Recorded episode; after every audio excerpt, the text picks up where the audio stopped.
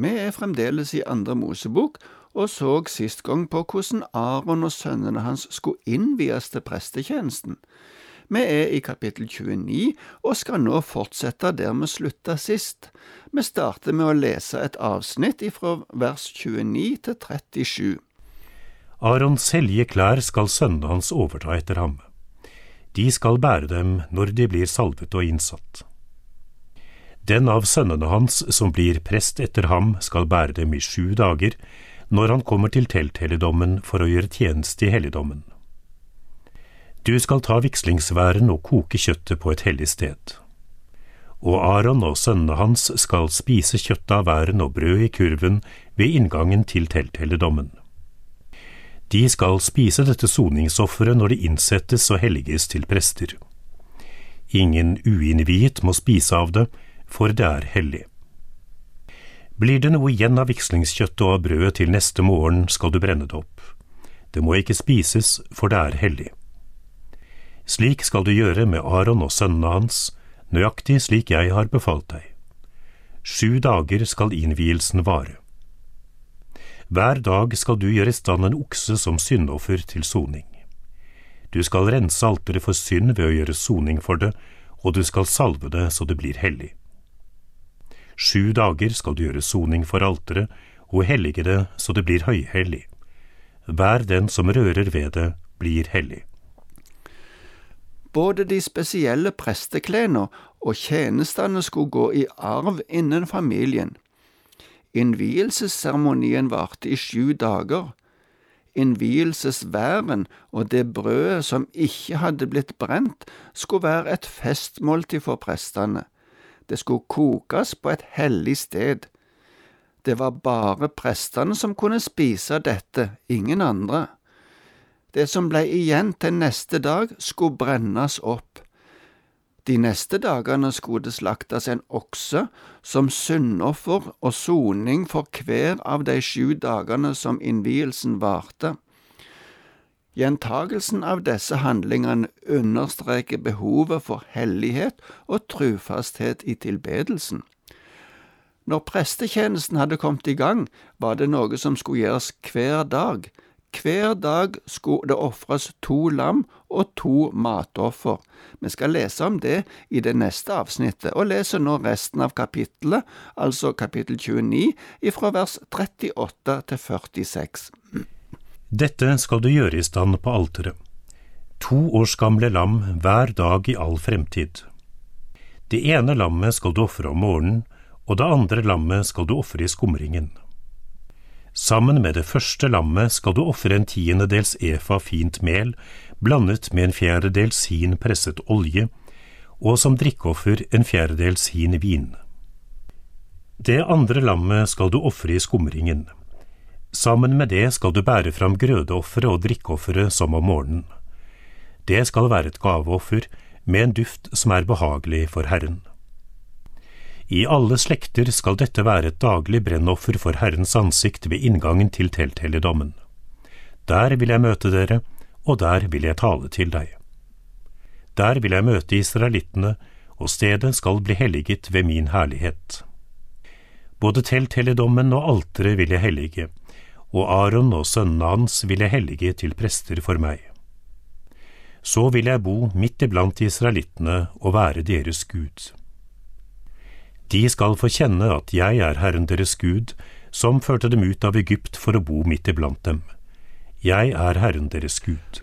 To lam skulle ofres hver dag, ett om morgenen og ett om kvelden. Sammen med lammet skulle det ofres et matoffer som bestod av mjøl som var blandet med litt olje og så skulle det være litt vin til. Målet som nevnes her for mjølet var omtrent 3,6 liter, og målet for oljen tilsvarer omtrent 1,5 liter. Det er òg samme mengde som er oppgitt for vinen. Formålet med tabernakelet og ofringene var at Herren her ville komme sammen med folket sitt, tale til dem og vise dem sin herlighet. Herren ville bu blant sitt folk. Ved å erklære sitt spesielle navn understreker Gud at han vil være Israels Gud. Han hadde befridd de for at de skulle være hans spesielle folk. Moses skulle også lage et røykofferalter. Det har ikke blitt beskrevet tidligere, men her får vi en beskrivelse av det når vi går over til kapittel 30. La oss lese de første ti versene i dette kapittelet. Du skal lage et alter til å brenne røkelse på. Av akasietre skal du lage det. Det skal være firkantet, én alen langt, én alen bredt og to alen høyt. Hornene på alteret skal gå i ett med det. Både toppen, siden og hornene skal du kle med rent gull, og du skal lage en gullkant rundt det. Nedenfor kanten på begge sider skal du sette to gullringer. Det skal være holdere for bærestengene på hver side, slik at alteret kan bæres. Stengene skal du lage av akasietre og kle med gull. Du skal sette alteret foran forhenget som skjuler kisten med vitnesbyrdet, foran soningsstedet som ligger over det, der jeg vil møte deg. Aron skal brenne velluktende røkelse på det. Hver morgen når han gjør lampene i stand, skal han brenne den. Det samme skal han gjøre i skumringen når han tenner lampene. Det skal være et daglig røkelsesoffer for Herrens ansikt i slekt etter slekt. Dere skal ikke ofre uinnviet røkelse på alteret og ikke brennoffer eller grødeoffer. Dere skal heller ikke helle ut drikkeoffer på det. En gang om året skal Aron gjøre soning på alterets horn. Med blodet av det sonende syndofferet skal han gjøre soning på alteret, i slekt etter slekt en gang om året. Alteret skal være høyhellig for Herren. Røykofferalteret var et lite alter omtrent 50 centimeter i firkant og én meter høyt. På samme måten som bordet til skuebrøda og paktsarken var det laget av akasjetre og kledd med gull. Det hadde horn i hjørnene på samme måten som det store alteret, og også dette hadde ringer og stenger for å kunne bære det når israelsfolket gikk fra plass til plass. Dette alteret skulle stå innenfor det området som kalles det hellige, og rett utenfor forhenget som skilte mellom det hellige og det aller helligste. Det vitnesbyrdet som nevnes her, er et annet ord for tavlene med de ti buda. Så sies det at kista skjuler dette vitnesbyrdet, og soningsstedet som nevnes, ligger jo oppå kista og dekker lovens bud. Aron skulle brenne røkelse på dette morgen og kveld når han gjorde i stand lampene inne i det hellige. Det var en helt spesiell røkelse som skulle brukes i tabernakelet, og denne oppskriften hadde Israel ikke lov til å bruke andre plasser. At det står at det en gang i året skal gjøres soning, er en henvisning til den store forsoningsdagen som blir omtalt i Tredje Mosebok kapittel 16. På den dagen skulle alle ting i tabernakelet gjennomgå et renselsesrituale. Det er ikke snakk om noe blodig offer på alteret, bare at blodet fra syndofferet som ble brukt i disse renselsesseremoniene, også skulle strykes på dette alteret.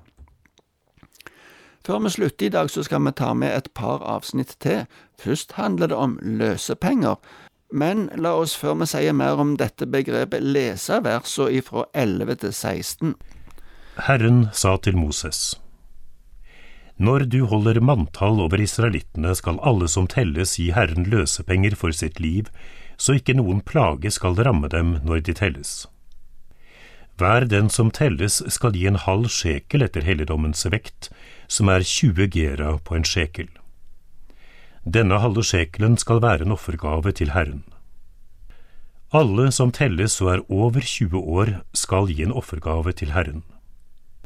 Den rike skal ikke gi mer, og den fattige ikke mindre enn en halv sjekel når dere gir offergaven til Herren som soning for deres liv. Du skal ta imot soningspengene av israelittene og bruke dem til tjenesten i telthelligdommen. Det skal være en påminnelse om israelittene for Herrens ansikt, til soning for deres liv. Både løsepenger og soningspenger brukes i dette avsnittet. Det er snakk om en betaling, eller kanskje vi skal si en skatt til tabernakelet eller tempelet. Det blei betalt inn for hver person i forbindelse med at de blei telt. En halv sjekel er omtrent 5,5 gram. Denne skatten gjaldt for alle av hannkjønn som var over 20 år. Det innebærer at de var underlagt Gud og skulle være styrt av Han. Vi merker oss at det ikke hadde noen sammenheng med om de var rike eller fattige. Det var livet som gjaldt. Det neste avsnittet det handler om et fat som skulle lages for at prestene skulle vaske seg. Det er versene ifra 17 til 21. Herren sa til Moses, Du skal lage et vaskefat av bronse med understell av bronse. Det skal du plassere mellom telthelligdommen og alteret og fylle med vann. Aron og sønnene hans skal vaske hendene og føttene i det. Når de går inn i telthelligdommen, eller når de trer fram til alteret for å gjøre tjeneste og brenne gaveoffer for Herren, skal de vaske seg i vannet så de ikke må dø. De skal vaske hendene og føttene så de ikke må dø. Det skal være en evig ordning for dem, for Aron og hans ett, i slekt etter slekt. Dette vaskefatet skulle lages av bronse, eller kobber som noen oversetter det. Føtter og hender skulle vaskes i det før prestene skulle begynne tjenesten. Det er ikke spesifisert her hvordan det så ut, men det kan se ut til at karet, eller vaskefatet, og understellet som det skulle stå på, ble laga hver for seg som to deler. Slik blei det lettere å transportere. Men nå må vi slutte for i dag. Herren være med deg.